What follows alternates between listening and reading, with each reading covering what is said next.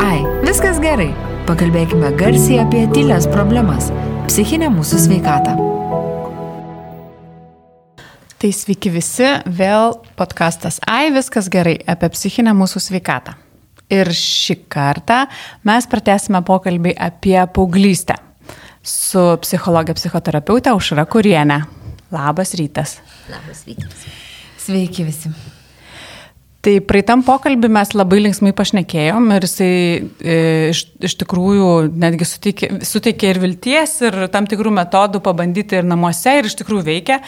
Bet man po kurio laiko atėjo to, tokia mintis, kad, na, pabandėm, veikia, bet kaip ir pa, paskaičius gerą knygą, atrodo, tie metodai iš pradžių labai įkvepia, bet po kurio laiko pradeda nebeveikti ir, ir vai, patys vaikai pradeda juos pastebėti. Ir pagalvojom, kad e, galbūt laikas pašnekėti apie tuos sunkesnius truputėlį atvejus, kaip jau pasakymas, kad, na, pasikarščiavom, susėskim, pakalbėkim, galbūt nepadeda. Tai e, pašnekėti apie rimtų konfliktų sprendimo būdus su, su paaugliais. Kokios čia yra strategijos, scenarijai, kaip pradėti libdyti tuos santykius, kur jau tos problemos yra užsisenėję, kur e, gal patys tėvai pamiršo, kaip kalbėtis, bet kažkaip pradėti reikia, nes neramina.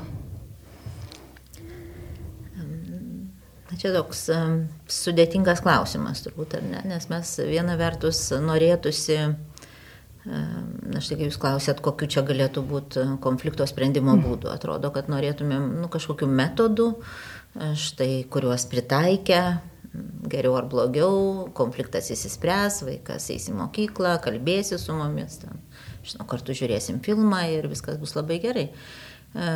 Tai jeigu e, tai būtų įmanoma, ne, tai tikrai tėvai rastų, kaip tos konfliktus įspręsti.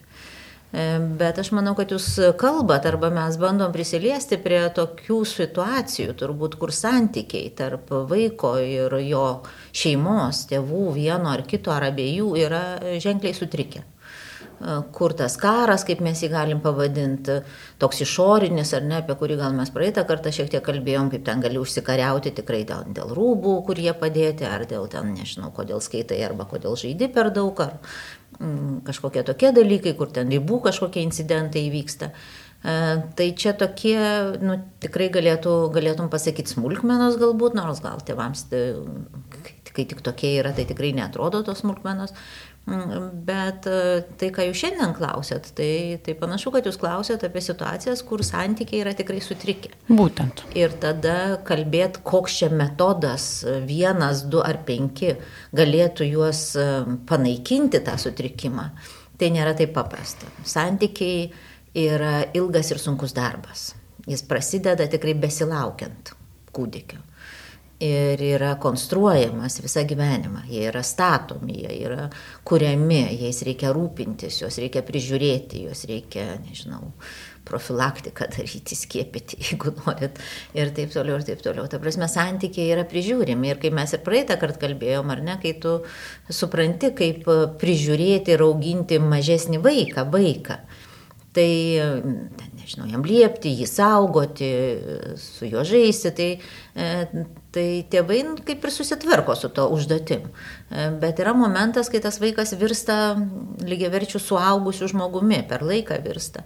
Ir va čia tas strigimas, kai jisai prasideda, jeigu jis prasideda, jeigu mes nekūrėm santykio kaip su žmogumu, o labiau žiūrėjom į vaiką kaip į tokį, na, kažkuria prasme instrumentą, ar ne? E, tai, tai tada tie santykių strigimas pradeda matytis. Ir jeigu jį labai anksti pamatyti ir labai anksti suvokti, ir štai ką, tai, ką mes praeitą kartą kalbėjom, tai labai anksti tai tokie yra vat, visokie tie mažų karų, tokių mažų incidentų, kažkokių tai tokių įkyresnių ar mažiau įkyrių kažkokių būsenų pasikeitimas, kuris tikrai gali būti įveiktas pasikalbėjimo būdu, ne kažkokių metodų taikymo, bet pasikalbėjimo būdu, tarimosi, dėrybų, domėjimosi ir, ir panašių kažkokiu tai būdu. Tai kai tie santykiai užsivelia, ir nebėra apie ką kalbėti ir yra labai daug priešiškumo, kur bet koks bandymas paklausti vaiko, kas čia su juo vyksta, susiduria su priešiškumu, e, tai tada tikrai nebeužteks tokio paprasto, nu arba pasikalbėkim, nenori, tai nesikalbėkim gyvenk, tau gyvenimas parodys, ir tikrai gyvenimas parodys. Gyvenimas tave pamokys. Gyvenimas pamokys ir tikrai parodys, bet aš turbūt e, daug kartų sakau, aš neįsivaizduoju tėvų, kurie leistų gyvenimui pamokyti mm. vaiką taip jau pilnas pamokas jam suteikti. Tai būtų labai žiaurios ir labai tokios, gali būti labai žiaurios ir labai negailestingos pamokos, nes jis nežino, į kokią mokyklą eiti, kur yra teisinga mokykla gyvenimo, o kuri gyvenimo mokykla yra tiesiog per žiauri ir nepakeliama. E, tai aš pasikartosiu, metodas yra kalbėtis. Tik tai kas ir kaip gali padėti dabar jau kalbėtis, tai yra labai svarbu visų pirma suvokti turbūt, kur mes esame ir prisipažinti, kad ne tai, kad jis dabar pasikeitė ir pablogėjo, bet man atrodo yra labai svarbu pasakyti, mes nebesuprantam, mes nesugebam, mums reikia pagalbos, mums kaip šeimai, mums kaip, nežinau, mamai ir sūnui, tėčiui ir dukrai, mums reikia pagalbos ir kai tas nebesigauna, supratimas ir kalbėjimasis, tai tikrai, sakyčiau, reikia eiti ir ieškoti specialistų, kurie padės susikalbėti.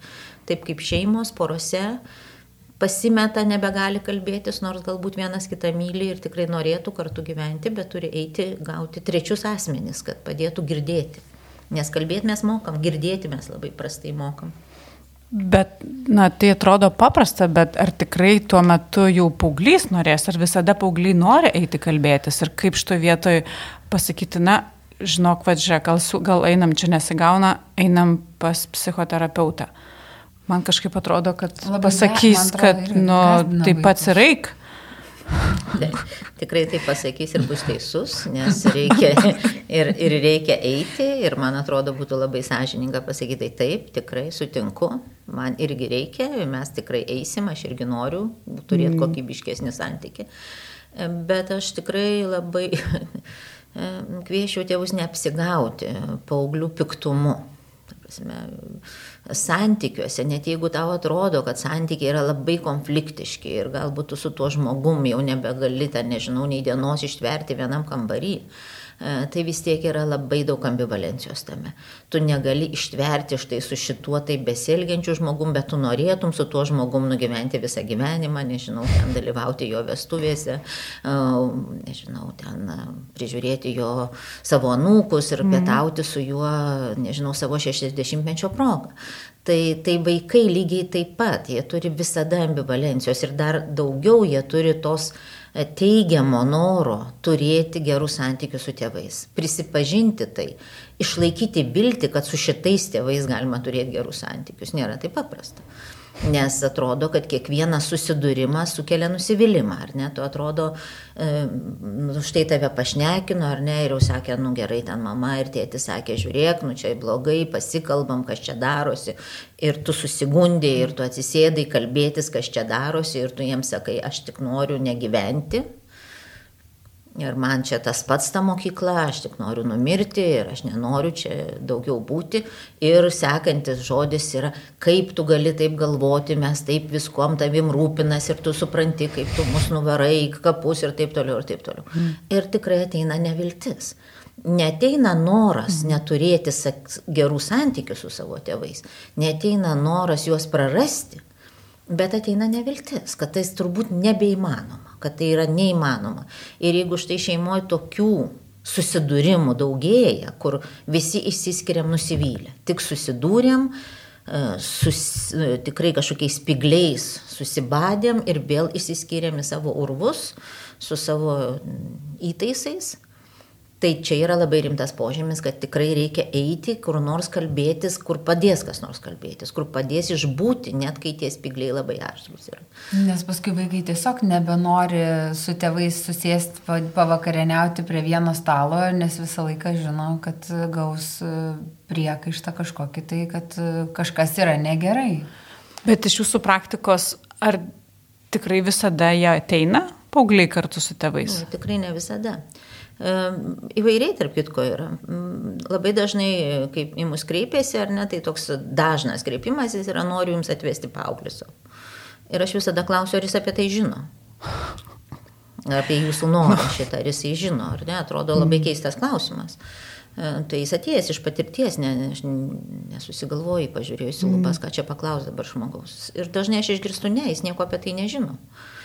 Tai čia yra labai susirūpinę tėvai ir aš sakau, gerai, tai jūs ateikit, jūs ateikit ir mes pasikalbėsim, kaip su juo kalbėtis, kaip jam pasakyti, kaip jį pakviesti, o gali būti, kad jam nereikės ateiti.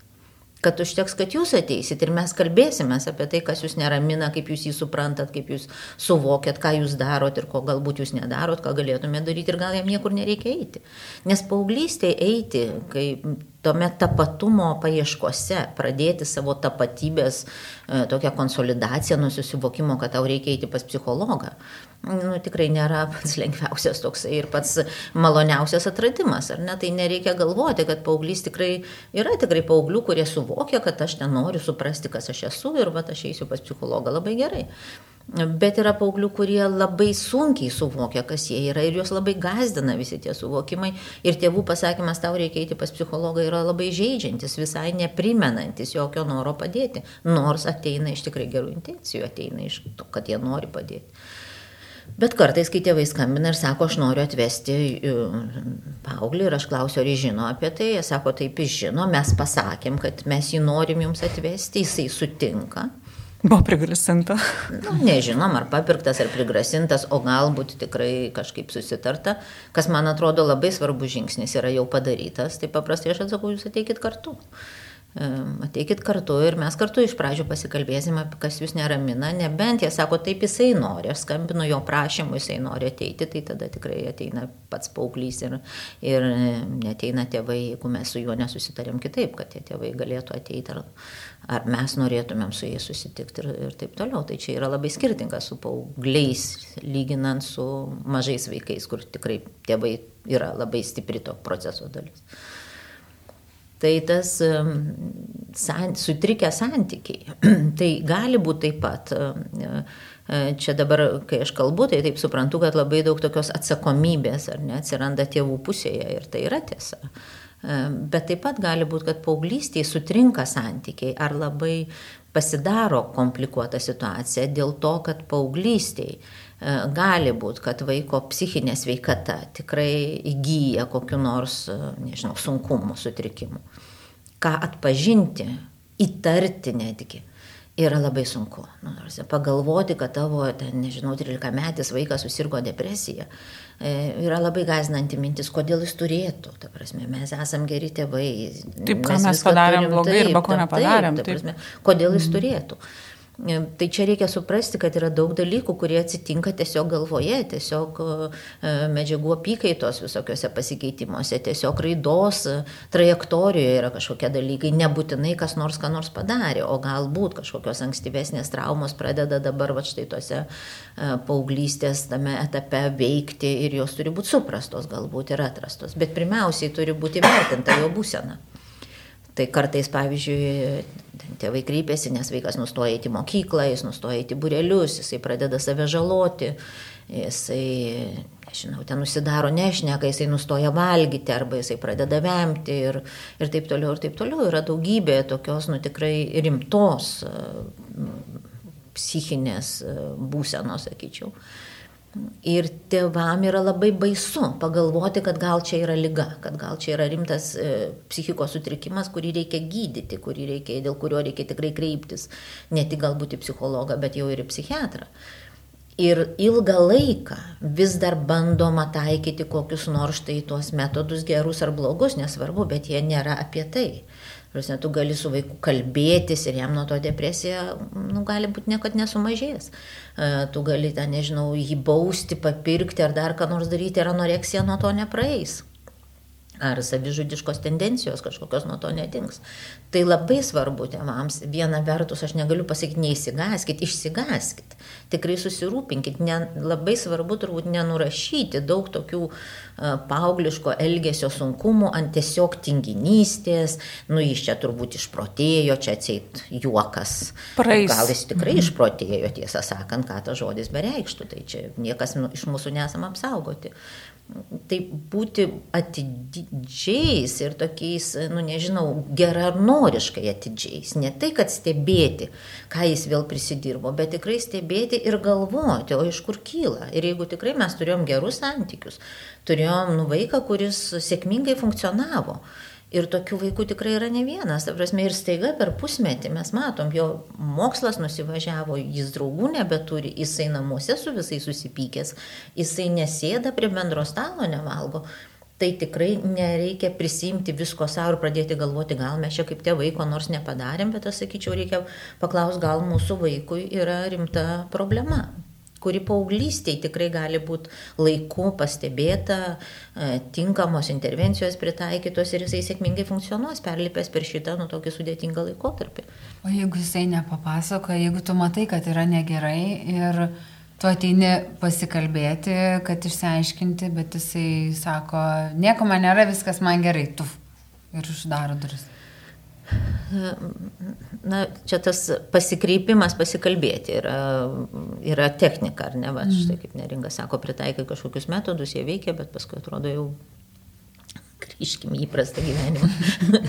tai tikrai, jeigu nereikia, tai ir nereikia taikyti. Kaip pasakau, jeigu yra geras ryšys, tai nereikia jokių metodų. Mhm. Tai tikrai nereikia joky, mokytis jokių metodų, nereikia jokių ten 1, 2, 3 rybos, ten nereikia. Jeigu yra geras ryšys, tu gali suprasti, kas tavo vaikui veikia, neveikia, kur tu gali, nežinau, nuolaidžiauti, o gal kur tu ten tikrai turi atstovėti kažkokius dalykus. Ryšys yra esmė, mhm. o ne metodai, kokie jie bebūtų.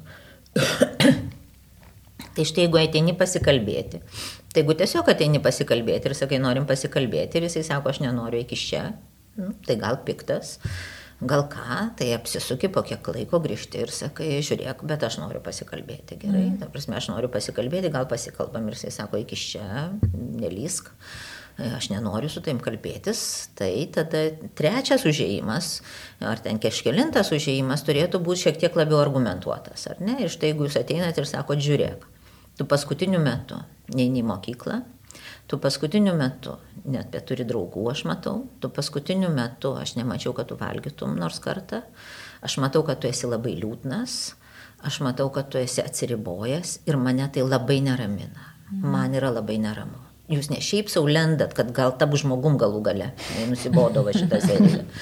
Bet jūs sako, man yra labai neramu dėl tavęs, aš esu labai susirūpinus. Ir dėl to aš noriu su tavim pasikalbėti ir Žinai, ir mes pasikalbėkim dabar, aš noriu suprasti, kas vyksta. Ir gali būti, kad tu pats nesupranti, kas vyksta. Nes tu nesi toks žmogus, kuris nenori mokytis, nenori turėti draugų, nenori su šeima pietauti. Tu nesi toks žmogus. Tu nebuvai niekada. Ir šitas pasikeitimas mane gazdina ir neramina.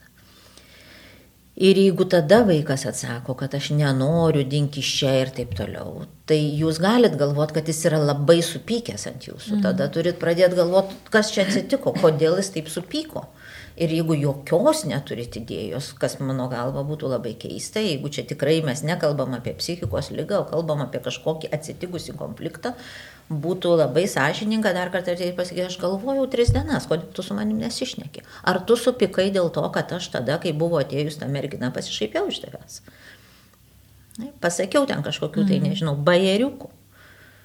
Ir gal tai yra raktas, nes jis nežino, gali būti, kad jis pats nežino, kas jį taip labai supykdė, galbūt jis nežino, kodėl jis taip nusivylė. Na, prasme, paauglystėje tėvai nuvilė, todėl kad e, ir raida reikalauja nusivilti jais, bet tas nusivylimas gali būti nu, toks e, labai skausmingas, negali pasakyti jiems nieko apie tai. Bet jeigu jisai guli, nešneka, tai aš sakyčiau, jūs turit pasakyti, mes turime eiti pas gydytoją. Mm aš nesuprantu, tu nesupranti, mes negalim šnekėti, čia yra rimta. Mes turime eiti pas gydytoją. Aš būsiu kartu, mes aiškinsimės, jeigu reikės, padėsim, bet e, taip negali būti. O jeigu pasakoma viskas man gerai, atsikabink? Nu, tai aš matau, kad negerai. Tas nepaaiškina. Ta prasme, tas nepaaiškina. Bet čia nereikia prarasti vilties ir žinojimo, kad vaikas nori gerai jaustis ir turėti gerus santykius. Jeigu mes šitą pametam, šitą pagrindą, tai tada nėra, nėra apie ką kalbėti. Bet aš manau, kad dažnai nu, tėvai pameta šitą pagrindą, taip, nes atrodo, kad viską, ką jisai arba jinai bedarytų, yra, kad nu, mus panervuoti arba įžeisti arba dar kaip nors. Na, čia, kaip aš sakau, nepasikelkit puikybėje. Mm viskas yra apie tėvus. Esmė yra tikrai nu, labai daug yra apie juos, yra labai daug juose yra to sunkumo, kurie, pavyzdžiui, viena iš priežasčių, ar ne, pavyzdžiui, paaugliai, ar ne, yra paaugliai, kurie patenka į sunkumus. Nu, kažkokius išgyvena rimtus, rimtas bėdas, nežinau, įklimsta istorijas. Išprievartautos merginos, ten, nežinau, įklimpia į kokias nors gaujas vaikinai. Ar? E, tai tokia, nežinau, statistika, gal ten nėra labai tikra, ten grina statistika, bet maždaug, ne? Sakoma, kad 50 maždaug procentų e, šitų paauglių vaikų niekada nepasisako tėvams apie savo tokias vad bėdas. Labai rimtas bėdas, kur atrodo, tu turėtum bėgti pas mamą ir sakyti, mane ištiko, nu nežinau, didžiulė bėda gyvenime. Taip maždaug 50 procentų nepasisako kurie niekam nepasisako, bet nepasisako tėvams. Gerai, kodėl dabar klausimas? Tai maždaug pusė jų nepasisako, nes jie bijo būti apkaltinti. Štai mergaitė, kuri ten, nežinau, pateko į kažkokią situaciją ir gal buvo, ją buvo pasinaudota, jinai bijo pasakyti savo tėvams, nes jinai bijo, kad pasakys pati kalta. Kiek mes tau kartu sakėm, ko tu ten įėjai, ar tau nesakėm, kaip tik dar prieš tai sakėm, o kaip čia tu apsirengus, o, kai, o tai ko čia reikia tikėtis, va kai su šitokiais rūbais kur nors eini ir taip toliau, ir taip toliau.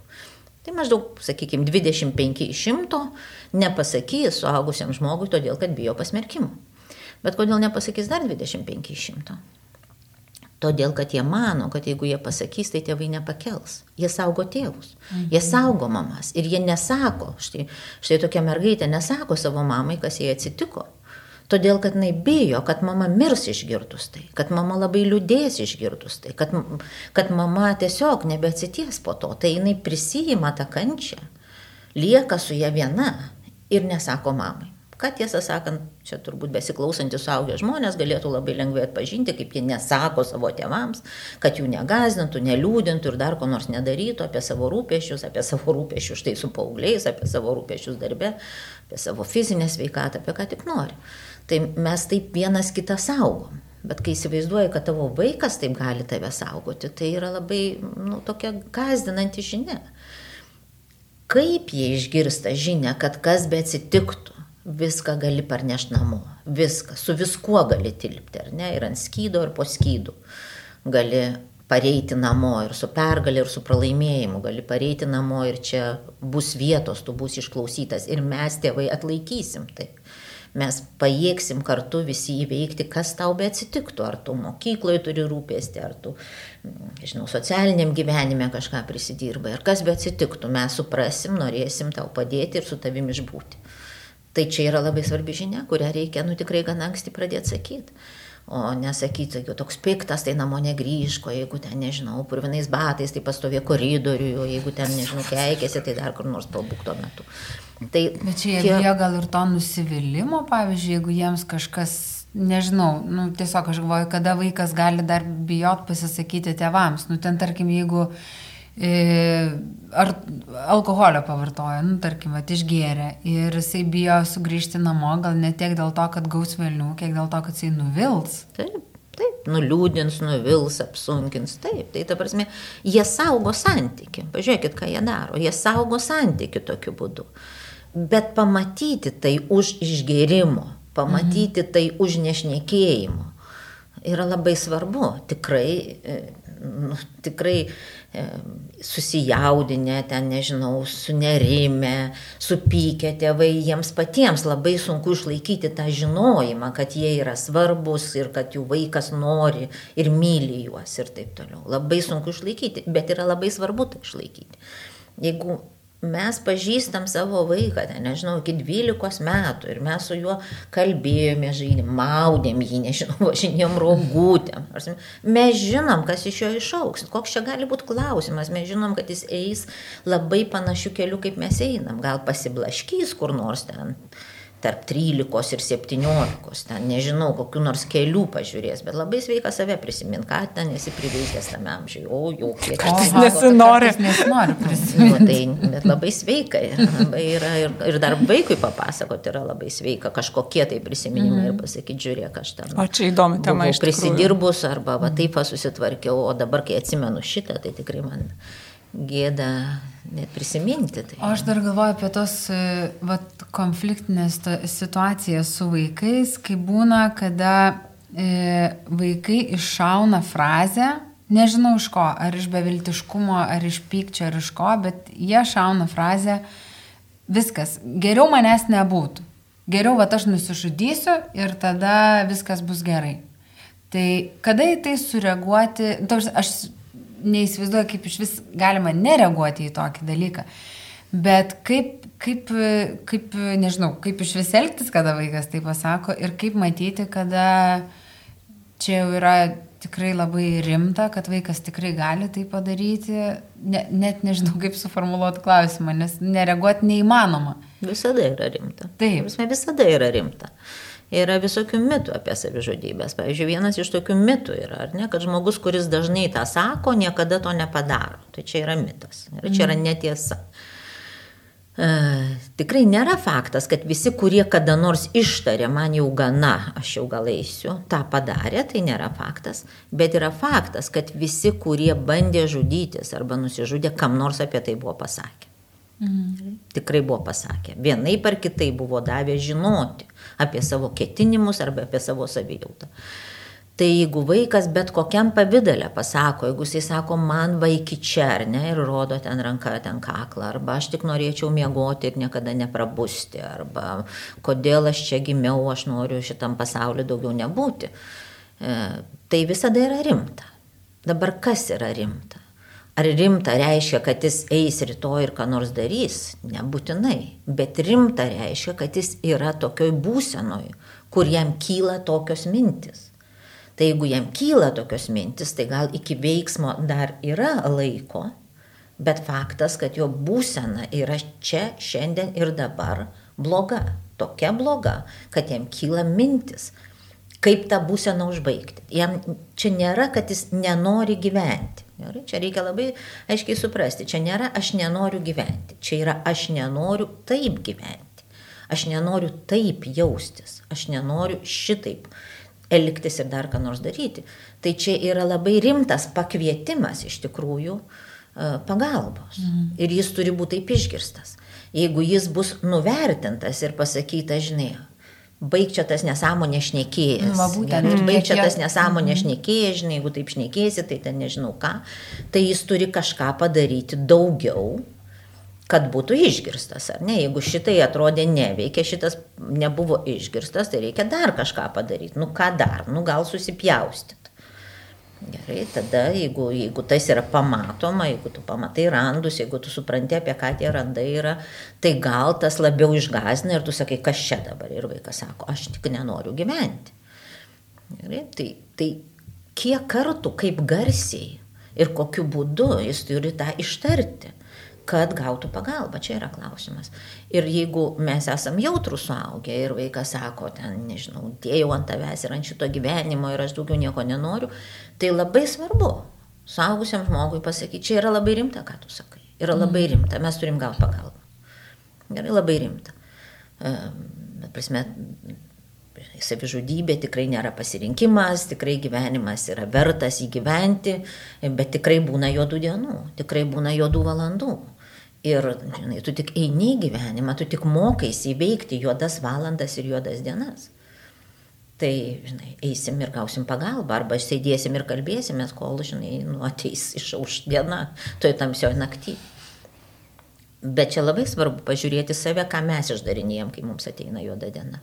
Mhm. Ką aš namuose šneku aplinkui, ką aš ištisai transliuoju, ar aš ištisai transliuoju, ten, nežinau, geriau būčiau negimus, ar ten, nežinau, tu mane varai grabą, ar ten um, einu žudytis, ten kartis, gazdinu vaikus, kad aš numirsiu, jeigu jie taip elgsis. Tai, ta prasme, ar tai šita variacija išeities skamba mūsų žodinė? Tai jeigu neskamba, tai mes mokom vaikus išeičių. Ir kitas mitas, ar ne, kad savižudybė yra paveldima vienas iš tokių mitų yra, kad štai jeigu ten, nežinau, nusižudė senelis, nusižudė prosenelis, tai mm. didelė tikimybė, kad štai va yra paveldima, taip sakant. Tai čia yra visiškas mitas. E, jinai yra nepaveldima tikrai. Bet mes išmokom, parodom, kaip kad yra sprendžiamos yra problemos. Taip, mm. tai čia yra labai pavojinga. Tai kai ateina juoda diena namuose, suaugę žmonės kažkaip jas sprendžia kaip jie sprendžia konfliktus, kas tarp jų atsitinka, kaip jie sprendžia, nežinau, tikrai kažkokios tai savo liūdėsio dalykus, ar jie ten, nežinau, geria, ar jie skaito, nežinau, savipagalbos knygas, ar jie medituoja, ar jie ieško pagalbos, ar jie kalbasi su draugais pasikvietę.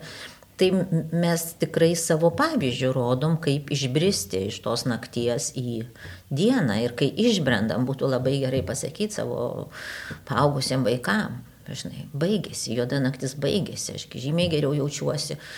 Ten tikrai žmonės eina į psichoterapiją, žmonės geria kažkokius vaistus, tai neturėtų būti paslapti šeimoje, tai turėtų būti e, tikrai pagalbos mhm. formos. Mesgi neslepiam nuo vaikų, kad jeigu kils gaisras, tai mes kviesim gaisrininkus. Tai lygiai tas pats, jeigu mūsų galvoje kyla gaisras, tai mes kviečiamės kažkokią pagalbą ir einam pas ją ir, ir gerbėm savo pasirinkimą ir skatinam vaikus gerbti savo tokį pasirinkimą. Bet aš dar noriu vat, sugrįžti prie to paauglių gebėjimo ar prieimimo to fakto, kad jiems reikia pagalbos, nes suaugusiems sunku, nes ir dalis to sunkumo yra tai, kad vat, ką pasakys kaimynai, kolegos bendradarbiai, kad vat, čia man su galva negerai. Tai paaugliam kaip tik dar yra nu, tas, tas statuso prieimimo jo aplinkos elementas dar yra svarbesnis, kaip jiems yra uh, nu, priimti tą faktą, kad nu, man reikia pagalbos ir kad nes aš tai einu pas psichoterapeutą. Tikras, kad tu esi silpnas, nes jeigu man... Nu, nekietas, tai tikrai. Tai ne... nu. Nu, tikrai pasikartosiu, kad vaikai nori turėti gerus santykius ir jie nori gerai jaustis paaugliai nori turėti mhm. gerus santykius, jiems yra labai svarbus jų tėvai, nesusipainiokim niekada ten. Nors sako, jis nesiklauso, ką aš kalbu, jis klausosi, jis labai atidžiai klausosi, nebūtinai jisai vykdo, bet jis tikrai viską girdi, net sausinukų, jeigu sėdi, jisai girdi. Klausimas, ką mes šnekam, čia yra kitas klausimas. Ar mes šnekam apie jį blogai, ar mes šnekam apie kažkokius dalykus, kurie jam nu, gali būti tikrai įdomus. Tai Tai čia yra pirminė premisa, nuo ko reikia pradėti. Kad jis nori gerai gyventi. Jeigu mes jam sugebam paaiškinti, kad vienas kelias gerai gyventi, nueiti su kuo nors pasikalbėti apie savo gyvenimą, tai tikrai paauglys dažniausiai turi smalsumo ir jis gali nueiti vieną kartą pasižiūrėti, nu gerai, mhm. dėl jūsų, sako jis, nueisiu vieną kartą gali būti, kad nepasiseks. ir tas vienas kartas ir bus paskutinis kartas. Bet gali būti, kad, nežinau, psichologų ir jo bendrų sutarimų jie sutars, kad, kad jis ateis dar penkis kartus, arba jie sutars, kad jis ateis tada, kai jisai nuspręs, kad jis nori ateiti. Ir tas dažniausiai būna gana greitai. Mm. Bet jis turi turėti tam tikrą pasirinkimo ir sprendimo laisvę tai jau tikrai paauglys negali būti nuvestas. Aš esu mačius paauglių, kurie mokėdavo papildomai, kad eitų. Tėvai mokėdavo. Taip, taip, ta prasme, tėvai mokėdavo terapeutų ir tėvai dar mokėdavo paaugliui, kad jisai nueitų ir atbūtų pas tą tai tikrai negaliu sakyti, kad tai nebuvo geras verslo planas. Aš manau, kad, bet netgi ir tėvų atveju, kad jeigu tai, nu, ta prasme, blogiausia atveju, jeigu nėra kito, kitos motivacijos, ar tai yra blogai. Ta prasme, jeigu tai padeda nueiti, jeigu padeda. tai yra gerai, aš manau. Jeigu pačioje terapijoje padeda. Jo, bet, bet aš manau, yra labai svarbu, kad jie galėtų apie tai kalbėti ir matyti tame, nu, kažkokią tai turbūt, žinau, distanciją turėti. Tai jeigu jie įsivaizduoja labai rimtai, kad vaikas eina e, savo gerbuviui, todėl kad jie moka, tai jis neina savo gerbuviui. Jeigu jis tikrai eina ten tik tam, kad užsidirbtų, ten, nežinau, 30 eurų, tai čia nėra pagalba. Ir jeigu specialistas apie tai nežino, tai čia nėra jokia pagalba, čia nebus jokia pagalba. Bet e, aš tai manau, kad aš tai žinau ir tikiu, kad žmonės nori būti laimingais paaugliai irgi yra žmonės ir jie tikrai nori būti laimingais ir nori turėti gerus santykius. Ir dėl to jie ateina, nepaisant viso sunkumo, kad yra. Antra vertus, šiek tiek keičiasi mados. Ne, antra vertus, darosi, šiek tiek darosi madinga, kas man mhm. patinka šitą madą, turėti savo psichologą, ten nueiti, ten toks sibiškai kietesnis. Tai čia tokia gera mada. Aš dabar vis dažniau girdžiu, šiaip tikrai dažniau iš tai aplinkos girdisi, va, tas toks man ter, mano terapeutas tą, mano terapeutas taip jau tas, tas toks tikrai jau dažnėja šitas dalykas. Bet ir labai svarbu, nu tikrai, vat, kas ten turi jaunesnių vaikų, ar ten, va štai šiandien yra mokytojo diena, labai sveikinu, tikrai nuostabi šventė. E, tai mokykloje yra labai svarbu, koks yra psichologo vaidmo mokykloje. Ar jis yra gazdinimo objektas, ar ten pasisiunčia, kaip prisidirba ar jis yra pagalbos šaltinis ir tikrai ar pas jį yra privilegija nueiti, nes jis yra užsiemęs žmogus ir tu ten galbūt nebūtinai pateksi ten, jeigu tau šiaip savo tik tai reikia. Tai, tai čia yra labai svarbu, ką mes nuo labai anksti sakom vaikams. Kas yra pagalbos specialistai, ką, ką mes sakom apie kitus žmonės, ar jie tau gyvenime padės, ar jie visi yra tik tai baudžiamasis būrys psichologas, psichiatras, policininkas, ne, nežinau, socialinis darbuotojas, nežinau, pediatras, kas bebūtų, čia visi yra mhm. tokie vat, jėgos tokios tave nubausti ir tave suvaldyti. Ar čia yra žmonės, į kuriuos tu, jeigu tau reikės, galėsi atsiremti ir pasiremti ir jie tau padės. Tai čia labai svarbu.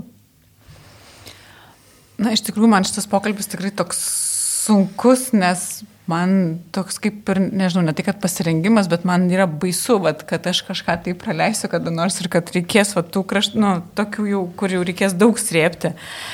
Bet vis tiek aš norėčiau tada kastis giliau ir pakalbėti dar apie, na, apie narkotikus, alkoholį. Kaip šita tema, na, kaip, aišku, kaip pastebėti, dabar su to pastebėjimu yra sunkiau, ypatingai, kai yra įvairių tų priemonių. E, apie kurias galbūt tėvai netgi ir, ir ne visada žino. Bet kaip, pirmiausia, tai kaip vat, pastebėti, kad, e, kad vyksta kažkas kitaip ir kaip pradėti kalbėti su tų, apie tai su savo paaugliu ar paauglė. Nu, čia vienas klausimas yra, ką darysi pastebėjęs. Ar norėsi? Ar, nori, ar nori sužinoti? Ar nori sužinoti, ar nori sužinoti, kaip pasako visi E, paaugliai paprastai turi e, draugų cigaretę savo kuprinėje. Ne, ne vienas neturi mhm. kažkodėl savo cigarečių kuprinėje. Bet cigaretės, man atrodo, toks, toks jau negazdinantis dalykas. Čia klausimas, ką nori ir kiek gali pastebėti. Viskas nuo kažko prasideda. Bet e, tai čia yra, kaip čia pasakyti, ką daryti ten, nežinau, su alkoholiu ar su kitais dalykais, tai čia yra klausimas, uh, Kai klausėt, ką daryti, tai atrodo, ką daryti, kad galėčiau sukontroliuoti. Tai galiu tik tai pasakyti, kad negalit. Nieko. Tai prasme, nesukontroliuosi. Tai žinoti, kad prasidėjo, kad vaikas ar paragavo, ar vartoja, ar ten.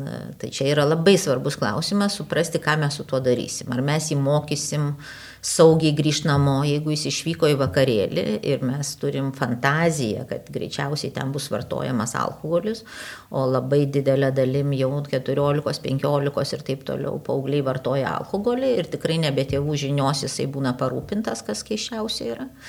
Tai čia yra klausimas, ar aš savo vaiką išleisdama į tokį vakarėlį sakysiu, nedrįsk vartoti. Ir kai kurie vaikai turbūt gali pasirašyti po tuo ir yra pakankamai stiprus ir pakankamai socialiai tokie atsparus, kad jie gali ir nenori vartoti ir gali pasakyti gerai. Bet ir tam gali išdrįsti, bet neišdrįsti namo tada. Bet kiti taip, kiti gali norėti nevartoti, bet net stovė socialinio spaudimo. Ir tikrai taip atsitiks. Tai aš kaip mama ir tėtis, nežinau, leisdama į kažkokius vakarėlius, leisdama į kažkokius ten, nežinau, koncertus, kurie prasideda 10 vakaro ir ten, nežinau, kada baigėsi, šiek tiek įsivaizduodama, kaip gyvena šio laikiniai paaugliai, turiu galvoti, kad jis gali patekti situacijas, kuriuose jam bus pasiūlyta.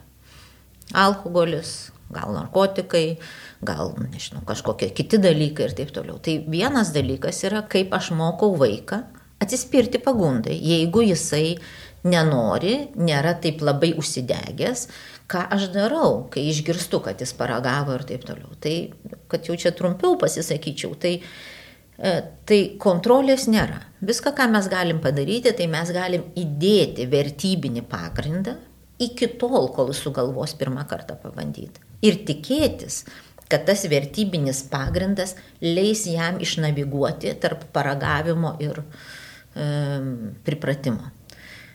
Pripratimas, jeigu mano vaikas, nu turbūt tikrai, nežinau, 98 procentai vaikų paragaus anksčiau ar vėliau alkoholio, tikrai labai labai mažas procentas paragaus žolės, sakykime, tikrai žymiai, žymiai mažesnis negu alkoholio, nes mes žymiai daugiau įdėsim tokios vertybinio pagrindo antinarkotinio negu antialkoholinio, nes antialkoholinis, kaip žinia, yra tokia normali gyvenimo dalis, ar ne, visi aplinkui kurkšnoja, tai čia labai aiškinti apie vaikui, tai čia didelė tikimybė, kad jisai. Tai čia vertybiniai dalykai. Dabar ar jisai tai taps jo gyvenimo būdu, tai pakeis jo kitus malonumus, buvimo su draugais ar be draugų, priklausys štai nuo tos jo psich, psichinės psichologinės būsenos. Jeigu jis yra depresiškas, žymiai didesnė tikimybė, kad jis pasirinks alkoholį ar tą pačią žolę, ar kitus narkotikus kaip e, raminančius dalykus, kaip padedančius geriau jaustis. Jeigu jis jam nesiseka kur nors, jeigu jis yra su visais susipykęs, jeigu jis yra konflikte su tėvais, tai žymiai didesnė tikimybė, kad jisai išveiks daug dalykų, tą piktumą išveiks ir taip toliau ir taip toliau. Tai mes vėl grįžtam prie to paties, prie santykio, prie atidumo ir prie vertybinio pagrindo. Nes kontrolės jokios čia nebėra. Bet žinoma, jeigu aš pirmą kartą susi, supratau, kad mano vaikas štai grįžo iš vakarėlio, nežinau, išgėręs, tai labai svarbu pasikalbėti apie tai. Pasikalbėti. Kokiom aplinkybėm, kieno iniciatyva ir nesmerkiant ir nesigilinant. Ar jeigu jisai išdrys pasakyti, aš seniai galvojau, seniai norėjau, seniai norėjau suprasti, kas tai yra, tai paklauskim, tai ką suprato dabar. Tai kaip tas buvo, patiko, nepatiko, ten nežinau, gera, bloga, dabar kas tas yra, ar tikrai buvo verta, ar nedarykim, nu, ta prasme, nebūkim čia tikrai labai fariziejiški.